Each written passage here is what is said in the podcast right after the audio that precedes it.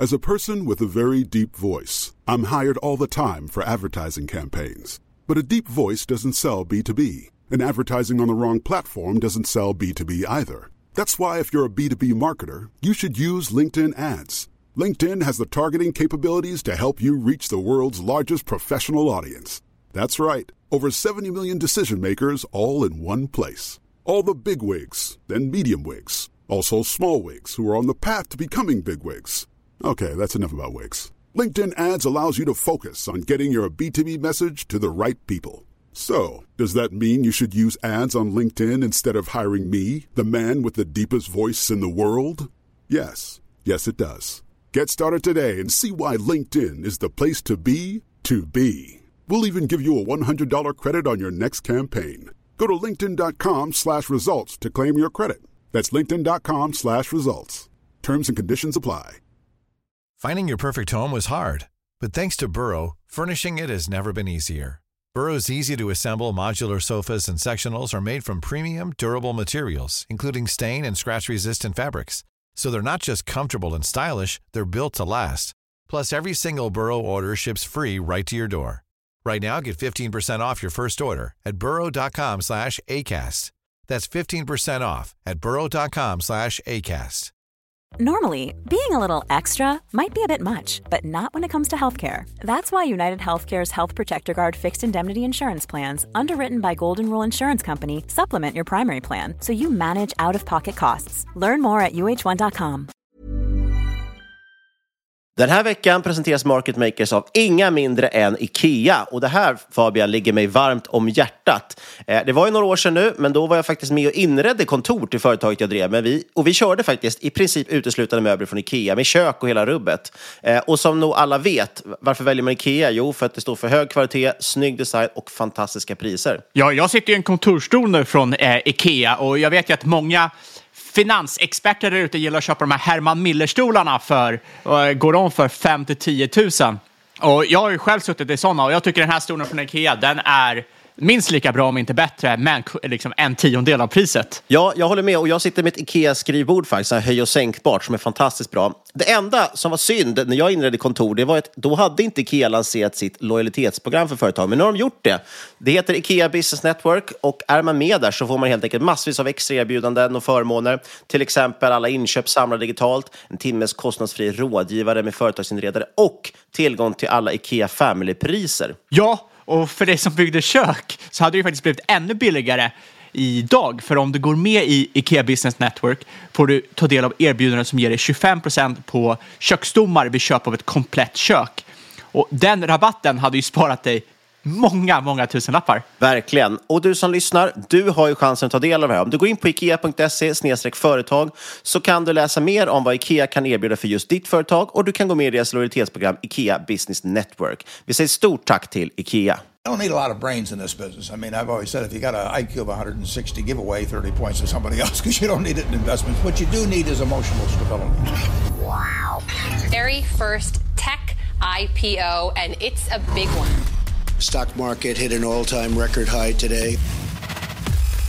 A crash is coming. Now, whether it's six months from now, 12 months, 36 months, no one knows. There's a bear market about every five years. We've gone eight years without one. People have to realize this is the biggest IPO ever. Hej och välkommen till ett nytt avsnitt av Market Makers. Ny vecka, nya möjligheter. Det är tisdagen den 13 mars när vi spelar in. Hur är läget Fabian? Jo, men det är mycket bra. Hur är det själv? Jo, men det är bra tycker jag. Jag kan ju först och främst nämna att eh, den 9 mars, det var i förra veckan, då firade bullmarknaden i amerikanska aktier nio år. Det är inte dåligt. Nej, men det är mycket kul. Ja. Nioåring alltså. Ja, och något annat som har stigit, som jag bara vill nämna, det är ju Saab. De har stigit 7% sen vi eh, pratade om dem förra veckan. Att eh, det var lite spännande med deals där. Nu Löfven var och träffade Trump bland annat. Men sen, vi ska också meddela en annan rolig sak, främst Ja. för dig och mig, Ja. men kanske också för andra. Ja, eh, vi ska vara med på något som heter Investerardagarna. Eh, det är ett event som går av stapeln 28 till 29 april i Göteborg. Man eh, åker dit, lyssnar på massa sköna talare. Det är bland annat eh, TA-gurun Tobbe Rosén och eh, Jan Bolmesson som driver rikatillsammans.se. Och vi kommer också dra ett svep om eh, vad ska vi prata om egentligen? Strukturell tillväxt, teknikaktier, spännande case. Framtiden, sånt som vi är intresserade av. Exakt. Och- kommer nog YOLOa lite så att det kommer väl uppdateras eh, kontinuerligt. Ja, vi får väl se. Iterativ process som det heter. Exakt, men eh, ja, det är jäkligt spännande i alla fall. Det är första gången, eh, eller ja, vi, vi kommer hålla lite annat på vägen dit, eh, lite mindre grejer, men det är första gången ändå vi, eh,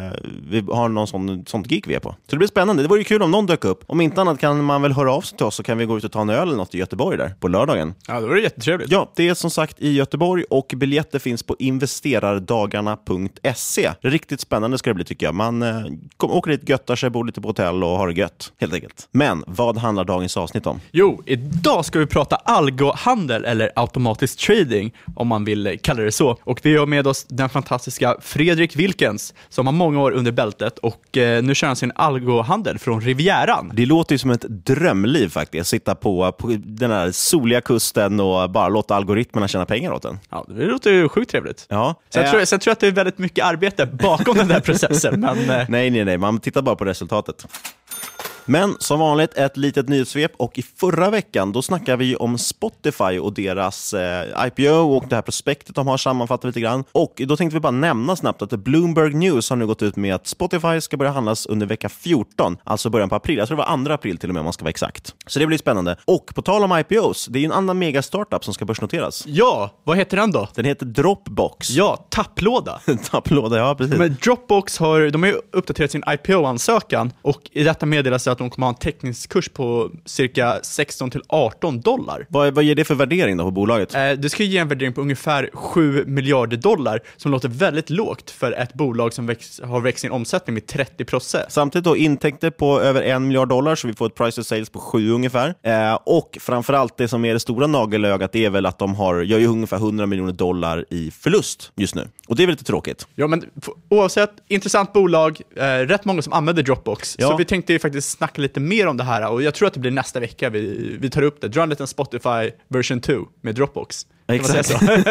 ja, nej, vi tänkte kolla på det nästa vecka. Och något annat vi ska prata om nästa vecka är ett företag som heter Patriot One, ett kanadensiskt bolag som har fått väldigt mycket uppmärksamhet, lite kultstatus. är det här det nya kultbolaget, Fingerprint 2? Och det är väldigt många som har Krypto. Ja, eventuellt kan, det vara så Mariana. att, eventuellt så kan det vara så att tåget har gått lite grann. Det har ju stuckit iväg som tusan gjorde i början på året. Men vi har fått ganska många frågor in på mail på det här, eh, om det här bolaget, så vi tänker att vi måste titta lite på bolaget. Så det får vi återkomma till nästa vecka också. Sen ett annat bolag som vi har snackat väldigt mycket om i tidigare poddar är ju Uber. Och deras självkörande lastbilsflotta är ju nu i full sving i Arizona. Riktigt spännande. De är helt självkörande på vägen, men när de ska då docka och lasta av, då måste man ha en chaufför som kliver in och kör de sista, sista lilla sträckan. Liksom. Och, eh, det är sjukt intressant att de har igång, men samtidigt då så nämner de att ja, vi är ganska långt ifrån att vara så avancerade att vi kan låta lastbilarna docka själva och, och bara låta folk lasta ur. Men det är jäkligt intressant utveckling då, att man kommer, det går så fort där känns det som. känns som det går fortare än vad man trodde. Sen den sista nyheten i den här nyhetssvepen kommer handla om kryptovalutor. Eftersom du och jag Niklas är väldigt intresserade av kryptovalutor rent allmänt. Ja, och det här är bitcoin specifikt. Och det finns en kille som heter Tom Lee, som tydligen då är den enda Wall Street-strategen som bevakar bitcoin. Jag vet inte riktigt vad de menar med det, men eh, han är i alla fall det, säger han. Det känns som jag har sett väldigt många från Wall Street citattecken som har gjort många analyser på bitcoin senaste året. Jag, jag tror faktiskt så här, att det är så att alla vill vara den enda. Så då får man försöka hitta på en annan titel. kan man inte säga att man först enda bitcoin-analytikern, för det är han nog inte. Ah, Men han är smart, enda bitcoin, snyggt. han är enda strategen. Strunt skitsamma. Det intressanta är att han har lanserat något som heter Bitcoin Misery Index. Alltså man mäter egentligen hur förtvivlade investerare i bitcoin är. Och det är ändå en sentimentsindikator som det kallar. Man försöker alltså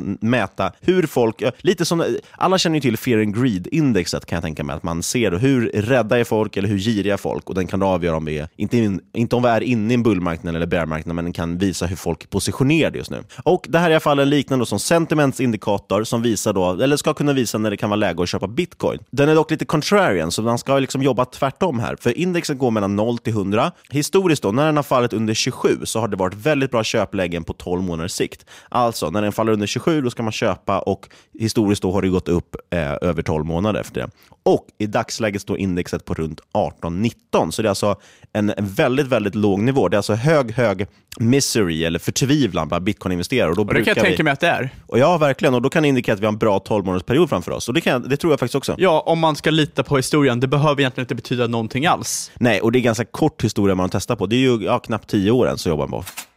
Men om man då är intresserad av att spekulera i bitcoinpriset så måste vi givetvis slå ett slag för vår samarbetspartner Fontobel. Ja, och deras bitcoin tracker heter ju Track Bitcoin Fon. Ja, man hittar den och Fontobels andra produkter hos din nätmäklare. Eh, Fontobel ska vi nämna, det är en välkänd schweizisk bank som funnits i snart 100 år och den här bitcoin-trackern då har ju ungefär 1,5% i avgift. Det är ganska bra jämfört med alternativen som finns på marknaden. Och eh, framför allt, så sagt, det känns som en ganska trygg motpart och en stabil market maker som hela tiden finns i marknaden. Men glöm inte att investeringar sker på egen risk och din insats kan gå förlorad då priset kan gå både upp och ner. Så läs alltid på innan du investerar. Stort tack Fontobel och Track Bitcoin Fond. Och med oss denna vecka då för att berätta mer om automatisk trading eller algohandel har vi då Fredrik Wilkens. Live från Rivieran. Välkommen Fredrik! Ja, tack så mycket. Det är jag som tackar för inbjudan att få medverka. Jag tänkte vi kan börja med att gå igenom lite kort om din bakgrund. Ja, jag eh, har varit med ett tag. Eh, jag har jobbat ungefär 25 år, lite drygt, i, i marknaderna. Eh, började sent 80-tal um, ehm, på Handelsbanken, satt på deras uh, dagslån och handlade likviditeten i, i Handelsbanken ute i marknaden när, när Riksbanken höjde till 500% Så det var något av ett elddop kan man väl säga. Um, och eh, sen gick jag vidare, jag jobbade med räntehandel, då, obligationer, penningmarknad.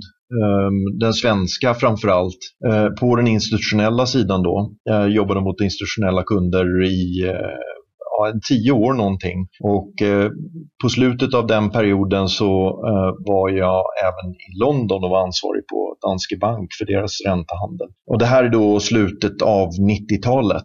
Uh, och då uh, bytte jag karriär lite grann. Jag bytte uh, specialisering kan man väl säga. Fortfarande i marknaden, men jag, men jag, bytte från räntehandel till kapitalförvaltning och började jobba för um, en hedgefondfirma som hette Key Asset Management som, som fanns i London och som ville expandera i den svenska marknaden. Så jag fick ansvaret för att utveckla den svenska marknaden. och, Och flyttade hem med dem också, startade kontor och uh, uh, drev upp en verksamhet i Sverige. Um, och um, det var faktiskt ett uh, bolag som senare såldes till, till SEB. Um, ehm, men det var efter att jag hade slutat där. Så jag, jag jobbade på Key Asset Management med kapitalförvaltning och affärsutveckling då. och sen jobbade jag för en fransk bank som hette Dexia. Uh, Fransk-belgisk ska jag väl säga. Och, och, var ansvarig för deras kapitalförvaltningsenhet i Norden i fem år. Eh, och därefter eh, så var jag, Dexia var ett företag som gick eh, i putten kan man väl säga, mer eller mindre. De kostade franska skattebetalare väldigt mycket pengar. Um, det var en bank som hade garanterat, uh, garanterat såna här finansiella instrument i USA. Jag vet inte ens om ledningen visste om det. Men de fick väldigt stora problem i samband med Lehman-kraschen och, och, den finansiella krisen.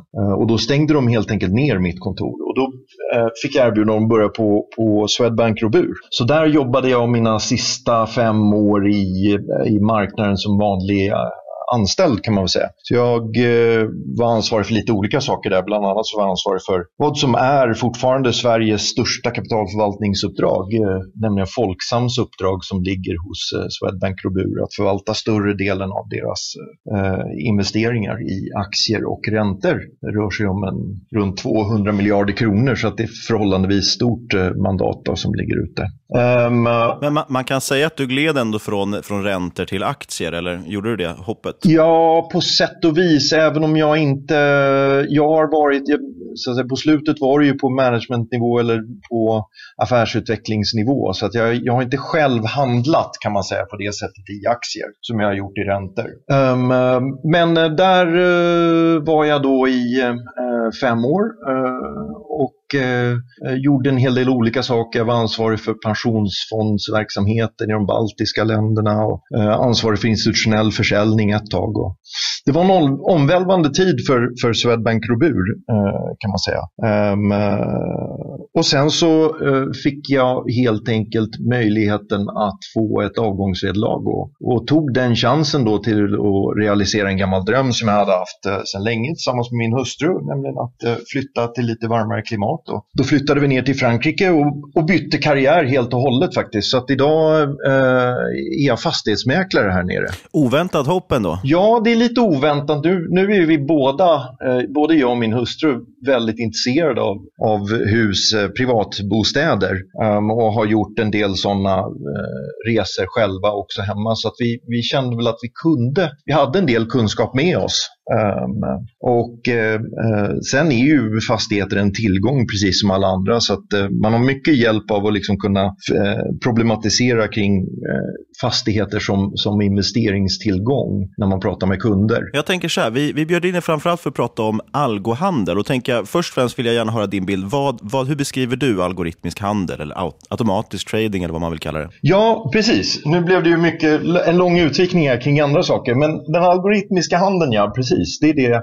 Det är en person som jag håller på med eh, på min fritid um, och har hållit på med ett bra tag. Och algohandel kan man väl beskriva som att det är helt enkelt uh, programvara som man skriver uh, en mjukvara som man skriver som genererar köp och, och försäljningsordrar i marknaden och på så sätt skapar exponeringar, marknadsexponeringar. Men hur kom du in på det spåret då? Från att vara liksom lite management på Robur och sen flytta till Frankrike och sen hur, eh, ja, det är ju eh, precis. Det, det, känns ju som ett stort steg. Um, man kan väl säga att jag har alltid haft en, uh, en fascination för trading som sådant. Ganska kortsiktig trading och har hållit på med det själv en del.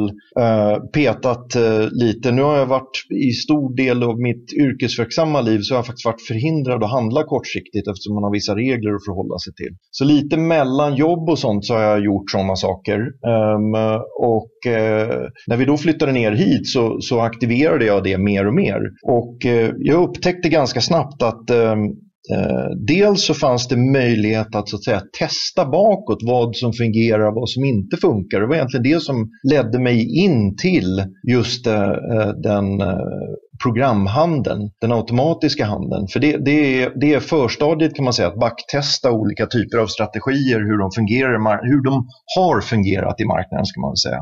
Um, och det ledde mig in till det och jag kan väl säga så här också att jag var inte särskilt lönsam i min diskretionära handel. Um, och för mig så blev faktiskt den algohandeln, det blev ett sätt att åstadkomma lönsamhet i min trading också. Men vart börjar man någonstans i det spåret tänker jag? För, för många som inte har testat på det, för många som kanske inte har testat trading så är det rätt svårt. Att, var börjar man hitta en strategi någonstans? Alltså det finns, eh, dels så finns det ju idag otroligt mycket information på nätet. Ehm, det finns eh, webbsidor, ehm, det finns podcast som, eh, det här är ju en av eh, flera podcasts, men det finns, eh, finns en annan podcast som heter Chat with Traders som, som intervjuar traders där man kan hämta väldigt, väldigt mycket information om hur folk tänker och hur de har implementerat sina strategier. Det finns böcker skrivna kring det också um, som man kan köpa på nätet uh, väldigt enkelt. Så det, går, det går ganska lätt att, eh, så att säga, researcha området för att eh, försöka förstå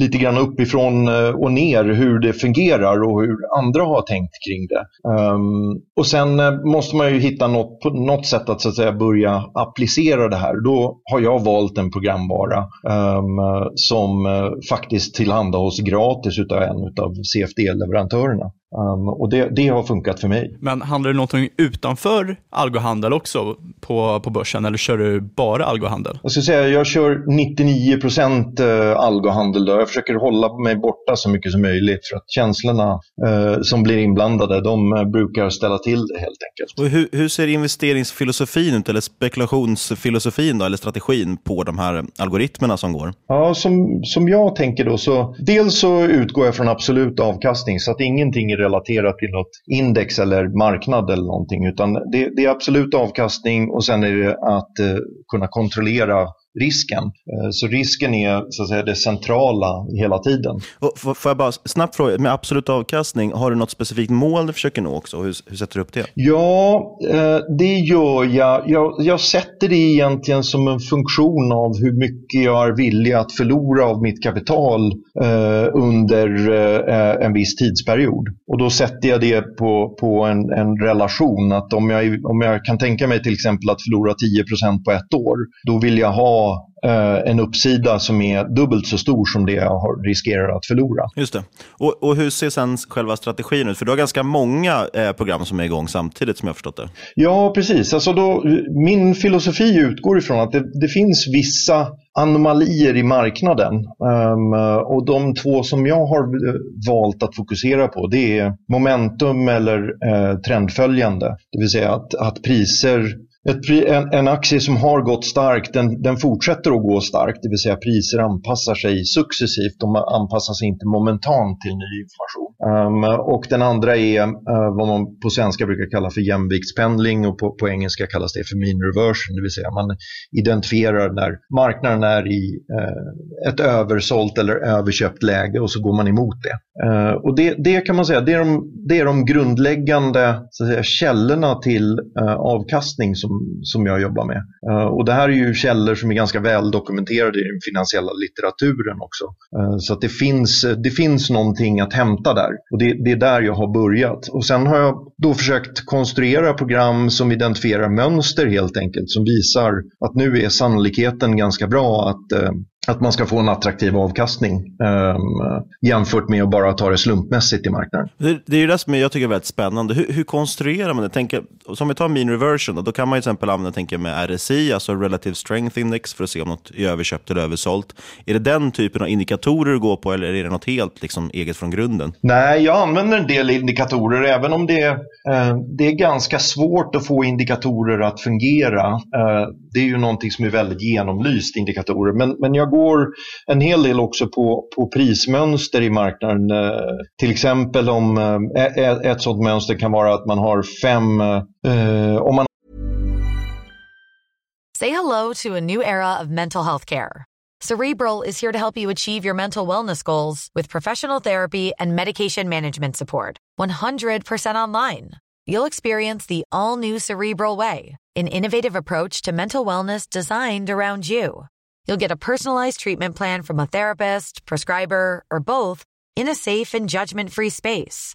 Your cerebral therapist or prescriber will outline a customized plan with clear milestones along the way so you can get to feeling your best. With Cerebral, you're not alone in your mental health journey. We're here to empower you to live a fulfilling life. So take that first step towards a brighter future and sign up today at cerebral.com slash podcast and use code ACasts to get 15% off your first month. Offer only valid on monthly plans. Other exclusions may apply. Offer ends July 31st, 2024. See site for details. Introducing Wondersuite from Bluehost.com. Website creation is hard, but now with Bluehost, you can answer a few simple questions about your business and get a unique WordPress website or store right away. From there, you can customize your design, colors, and content. And Bluehost automatically helps you get found in search engines like Google and Bing. From step-by-step guidance to suggested plugins, Bluehost makes WordPress wonderful for everyone. Go to bluehost.com/wondersuite. Want flexibility? Take yoga. Want flexibility with your health insurance? Check out United Healthcare Insurance Plans. Underwritten by Golden Rule Insurance Company, they offer flexible, budget friendly medical, dental, and vision coverage that may be right for you. More at uh1.com. Finding your perfect home was hard, but thanks to Burrow, furnishing it has never been easier. Burrow's easy to assemble modular sofas and sectionals are made from premium, durable materials, including stain and scratch resistant fabrics. So they're not just comfortable and stylish, they're built to last. Plus, every single Burrow order ships free right to your door.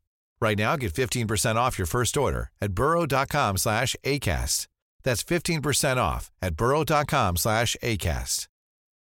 Since 2013, Bombas has donated over 100 million socks, underwear, and T-shirts to those facing homelessness if we counted those on air, this ad would last over 1,157 days. But if we counted the time it takes to make a donation possible, it would take just a few clicks. Because every time you make a purchase, Bombas donates an item to someone who needs it.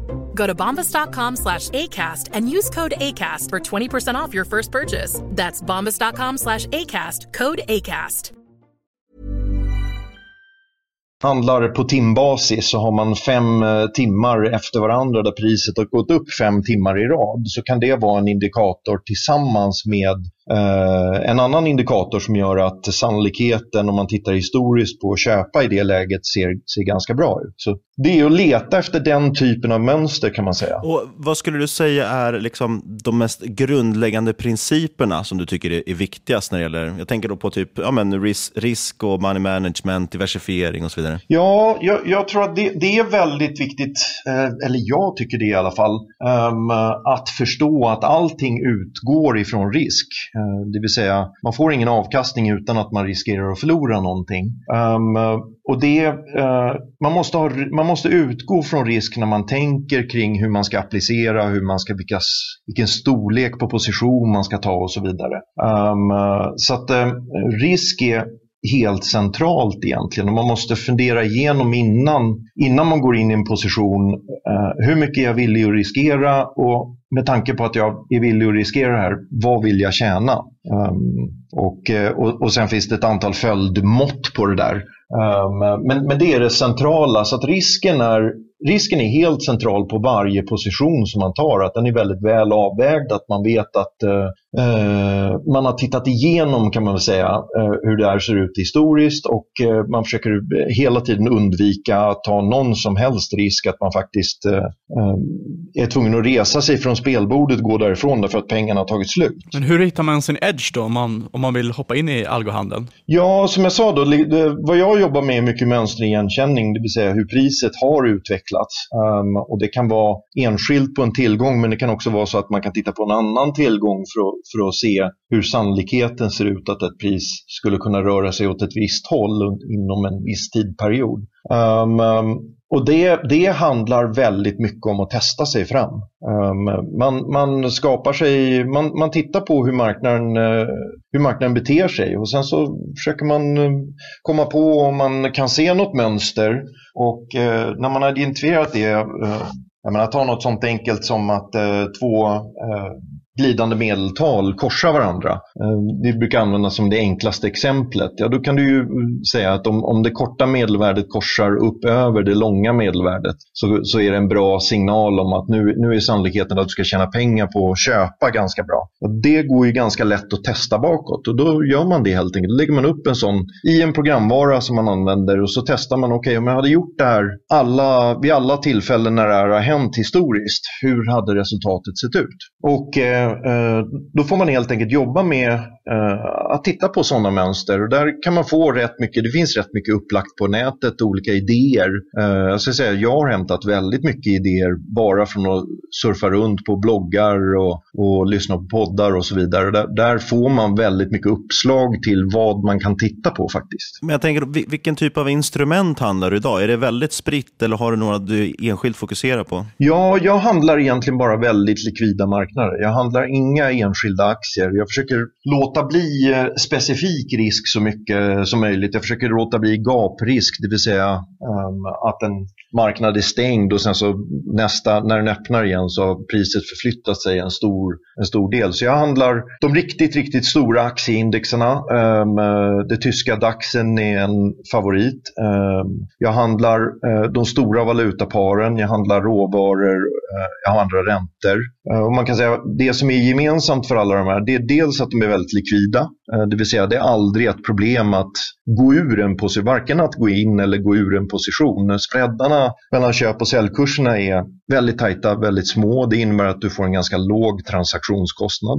I och med att de är väldigt likvida får man också eh, ganska liten så kallad slippage, det vill säga man handlar på en viss kurs. Man, man tror att man ska handla på en viss kurs och sen så handlar man i praktiken på en annan kurs därför att priset hinner röra sig från det, det att du har pass, eh, fattat beslutet om att köpa eller sälja. Och det, det här att de är väldigt likvida, att det är små spreadar och att de faktiskt i många fall är då, finns det priser att få tillgång till 24 timmar om dygnet så, så bidrar det till att det är ganska enkelt att riskhantera. Man kan följa hela tiden och man behöver inte man kan eliminera så mycket risker som möjligt kan man säga. Jag tänker också just som valutaparen som nämner och överlag de ganska likvida de ganska likvida instrumenten så är det ju oftast ganska mycket algohandel som pågår också. Känner du att det påverkar, att det blir lättare, att det kanske följer mönster bättre eller är det snarare svårare att handla de marknaderna? Jag skulle säga att det där är, det har ju förändrats ganska mycket de senaste, egentligen eh, kan man säga de senaste tio åren så har det blivit väldigt tydligt tycker jag att eh, eh, det är mer algos i marknaden och det är mer snabba algos. Eh, det har förändrat marknadsbeteende tycker jag, där idag rörelser är snabbare än vad de var tidigare. Um, så får man en nyhet så, så, rör sig priset väldigt snabbt uh, och det är svårare att fånga momentum och trendföljande som var någonting som var väldigt enkelt på 90-talet till exempel.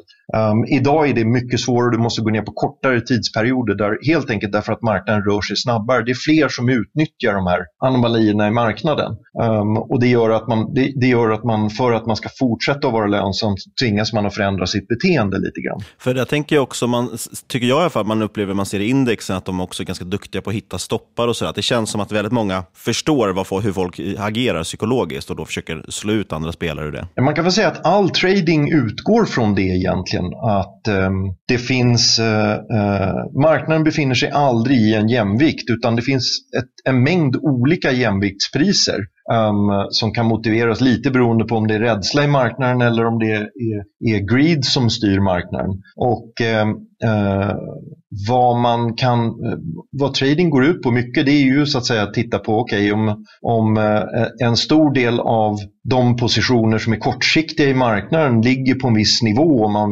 man vet att de finns där, då, då brukar marknaden gå åt andra hållet. Marknaden har en tendens att tillfoga så många som möjligt den största möjliga förlusten.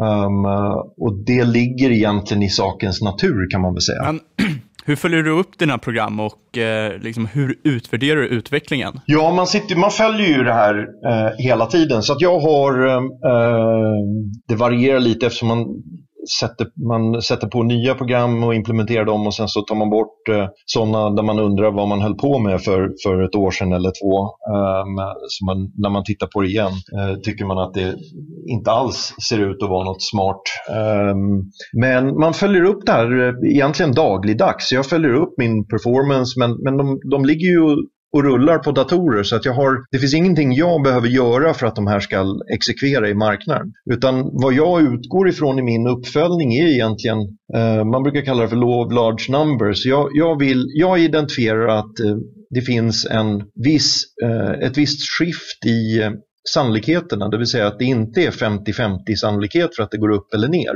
Utan jag ser ett mönster och ehm, eh, där det kanske är 51 sannolikhet för att, för att det ska gå upp och 49 för att det ska gå ner på en timmes sikt till exempel. Um, och då vill jag se uh, den här handla över tiden. Jag vet hur det där ser ut historiskt. Jag vill se ett tecken på, håller det här 51-49, håller det på att förändra sig? Um, Eh, uppstår det saker som inte har uppstått historiskt i de resultat som jag får fram som gör att mina slutsatser som jag drog när jag testade den här strategin kanske är felaktiga. Så man testar, egentligen så tittar man hela tiden på att Eftersom man fattar beslut utifrån hur ett, eh, hur ett backtest ser ut um, uh, och förstås lite grann så är det också så att man vill kunna motivera varför det skulle kunna vara lönsamt. Um, så det är egentligen det beslutet som man hela tiden ifrågasätter när man följer upp det. Är det så att det jag baserade mitt beslut på fortfarande gäller eller har det tillkommit ny fakta som gör att det där beslutet kanske inte var rätt beslut? Är det, kan man summera, eller inte summera så, men kan man generalisera så att säga att man mycket en del av strategin är att du bygger backtest, eller du bygger ett program, backtestar och kollar hur har den presterat tidigare. Och då kan man få ut exempel att ah, vi har 45% förluster och 55% vinster. Och så justerar man eh, eh, risken efter det egentligen, eller storleken på positioner. Skulle du säga att det är ett bra sätt att börja med det? Ja, det kan man säga. Det är väl ett enkelt sätt att beskriva det. Um, um, det är Precis, man, man, tittar på helt enkelt um, hur hur fördelningen ser ut mellan vinster och förluster. Hur många procent av affärerna blir vinstgivande, hur många procent blir förlustgivande och hur stora är vinsterna i relation till förlusterna. Det är egentligen de två viktigaste eh, parametrarna. Och utifrån det så kan man titta på vad, vad det är eh, optimal, eh, optimal storlek att ta av sitt konto. Så om man har en miljon på kontot så, så kanske det är så att ja, då, ska, då ska jag vara villig att, förlora 50 000 kronor på eh, just den här traden. För då tänker jag spontant på det här Kelly-kriteriet använder man väl mycket för att just av, avgör, använder du det någonting för att avgöra storleken då på eget kapital? Ja, precis. Kelly-kriteriet som, som egentligen kommer från gamblingindustrin och från, från eh, pokerindustrin. Um, den är ganska lätt att avgöra. Den ger en fingervisning om om eh, var man bör ligga. Det är inget exakt kriterium därför att det är många antaganden som går in i, i själva kalkylen. Även om, även om det, eh, den själva eh, formeln är ganska enkel så är de siffrorna som man stoppar in, de, de kräver att man gör en viss bedömning. Och det, gör, det som kommer ut är en approximation, men, men man ska inte avvika för mycket från det, uh, tycker jag. Um, för det, det ger en ganska god fingervisning om hur stor procentandel av din portfölj som du bör riska eller lägga i, i den här uh, enskilda uh, traden. Så om man ska lite, lite kort, vad skulle du säga är den stora fördelen och vad är den stora nackdelen med algohandel? För folk som är kanske lite on the fence om de ska börja eller inte. Ja, precis. Det stora, alltså ett är det så här, vad, vad, vad jag tror är viktigt att inse är att man, det räcker inte att vara en bra programmerare för att bli en framgångsrik algohandlare, utan man måste ha en, en förståelse för eller en idé om hur marknaderna fungerar och varför man skulle kunna skapa lönsamhet i det. Um, och, då, och jag som sagt, jag har ju utgått ifrån trendföljande momentum-effekter och eh, mean reversion. Ehm, så man måste ha någon slags utgångspunkt kring hur man ska skapa eh, överavkastning eller avkastning överhuvudtaget i marknaden. Ehm, och också då det innebär i sin tur att man måste ha en viss förståelse för hur marknaderna fungerar. Um, så det, det, är kanske utgångspunkten. Uh, det som är bra med algohandel är just att det går att testa skulle jag säga. Det, det är den riktigt stora fördelen, det vill säga man kan bygga upp sitt eget förtroende för att ta risk. Det handlar ju ändå om att, riskera att förlora sina pengar och uh, där vill man ju bygga en slags övertygelse och där, där tycker jag att backtest är ett bra, har, har hjälpt mig väldigt mycket att hitta vad jag ska våga satsa på och vad jag tydligt ska låta bli att satsa på. Man får ju väldigt svart på vitt, eh, sannolikheterna tänker jag. Man får eh, sannolikheter svart på vitt och sen måste man läsa på en hel del om um, vad det här svarta och vita betyder. Därför att det ser väldigt svart och vitt ut men det är egentligen ganska grått. Därför att det finns väldigt många fällor man kan gå i i, i backtest. Och det, det, är en bedömningsfråga som man måste, uh, som man måste ta till sig i, och, och, som man också lär sig vartefter när man, när man jobbar med det här. Att vissa saker saker ser väldigt bra ut i början och sen förstår man efter ett tag att men det här såg bra ut på grund av att jag gjorde så här och så här. Jag måste justera det och göra så här istället. Eh, men, men för att komma tillbaka till frågan så den stora fördelen är ett, att man kan backtesta allting och två är att det går ju att göra det här helt och hållet på sin fritid i och med att allting exekverar i bakgrunden eller exekverar på en, i molnet eller på en, på en virtuell server någonstans. Ehm, det innebär att man kan egentligen jobba med det här på, på kvällstid eller sin fritid ehm, och sen så jobbar eh, programvaran automatiskt i marknaden. Ehm, och det frigör, skapar ju väldigt stora friheter. Um, sen finns det en, en sak också som jag tycker är viktig fördel för, som talar för uh, algoritmisk handel. Det är att man utesluter helt och hållet känslornas inverkan i det hela. Um, som annars tycker jag kan ställa till uh, ganska mycket. Um, och de känslorna det är ju, det är ju primärt uh, fear and greed uh, som, gör, som påverkar ens eget beslutsfattande. Men, det, men det, det, kan man helt eliminera när man jobbar med algoritmer i och med att man bara repeterar samma sak om och om igen. Och, då, och, och, vad är då nackdelen med algoritmer? Ja, nackdelen är ju förstås att du, du måste lära dig att programmera. Um, det finns vissa såna tjänster som säger att ja, du kan göra det här utan att lära dig att programmera. Det, det skulle jag direkt avråda ifrån. Um, att göra någonting, sätta igång någonting som riskerar dina pengar utan att du vet exakt hur det fungerar det skulle inte i alla fall jag känna mig bekväm med. Um, så du behöver lära dig uh, att programmera och sen finns det vissa saker som är ganska svåra att implementera. Om man kommer från den diskursionära handeln så sådana enkla saker som stödnivåer och motståndsnivåer som man kan se ganska enkelt om man tittar på prisdiagram. Eh, uh, um, det är väldigt, väldigt svårt att programmera så att uh, vissa saker får man helt enkelt sluta att använda som verktyg och så får man hitta andra verktyg att använda. Och eh, vem skulle, vad skulle du säga, vem, vem passar algohandel för och hur kommer man då igång lättast? Jag skulle säga att man, det passar den som är personlighetsmässigt så tror jag man ska vara eh, en logisk person och, och kanske lite matematiskt bevandrad, att man har lätt för den typen av, av resonemang. Um, och så ska man vara nyfiken förstås, men det, det gäller nästan allt. Men, men, logik är ju det som allting bygger på i den algoritmiska handeln. Um, ehm, så det, det, det, hjälper om man har en fallenhet för det. Om man tycker det är svårt så, så tror jag man kommer få svårt med, med algoritmisk handel.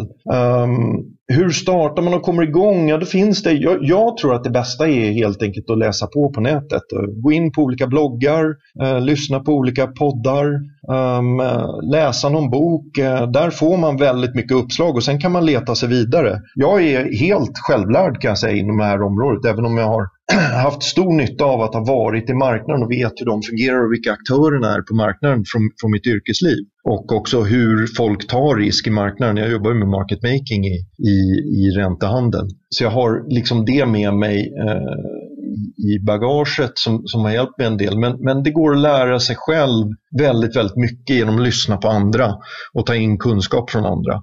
Och sen handlar det om att testa och experimentera helt enkelt. Man behöver en programvara, eh, men det finns flera stycken där ute som är ganska bra och inte kostar skjortan heller. Stort tack Fredrik för att du ville vara med. En sista fråga, var kan man följa dig någonstans? Jag är verksam på um, Twitter. Uh, min Twitter-handle heter att uh, villatåka.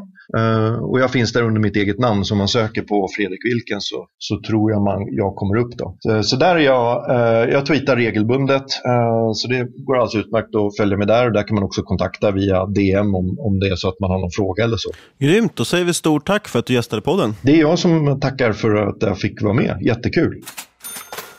Stort tack Fredrik för att du gästade podden. Sjukt intressant. Vad tyckte du Niklas? Verkligen. Jag tycker att det här är ett väldigt spännande ämne, men som, som mycket grejer så kan det kännas svårt att liksom ta sig an om man är intresserad. Jag hoppas att vi kan ha någon slags vägledning nu till eh, folk som är intresserade här. För det är en väldigt spännande strategi att handla efter. Absolut, det är det ju. Eh, och, och, lyckas man med det så känns det ju verkligen sjukt eh, förspänt att bara ha automatisk handel som står igång. Så ja, framförallt låter det jäkligt utan... coolt att säga att man håller på med algohandel. Ja, och sitta på Rivieran dessutom. bara det är ju värt värt det. Eh, men om du vill höra av dig till oss så kan du kontakta oss på podcast.ipo.se eller på Twitter marketmakerspod. Jajamän, och eh, kort disclaimer kanske. Inget du hört i denna podcast ska ses som rådgivning. Alla åsikter i våra egna eller vår gäst och eventuella sponsorer tar inget ansvar för det som sägs i podden. Och så ska du tänka på att alla investeringar är förknippade med risk och sker under eget ansvar. Jajamän, så vill vi rikta ett stort tack till Fredrik som gästade podden, @villatåka på Twitter. Vi vill rikta ett stort tack till vår samarbetspartner IPO.se. Och ett stort tack till Fontobel, vår nya samarbetspartner. Jajamän, gå in på din nätmäklare, kolla in deras grymma produkter, kolla framförallt på Track Bitcoin Fond. Sist men absolut inte minst, stort tack till dig som har lyssnat. Vi hörs igen nästa vecka.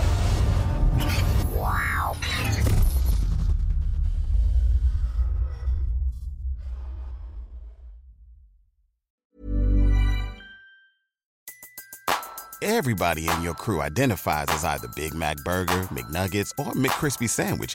But you're the filet fish Sandwich all day. That crispy fish, that savory tartar sauce, that melty cheese, that pillowy bun. Yeah, you get it every time. And if you love the filet of fish, right now you can catch two of the classics you love for just $6. Limited time only. Price and participation may vary. Cannot be combined with any other offer. Single item at regular price. Ba da ba ba ba.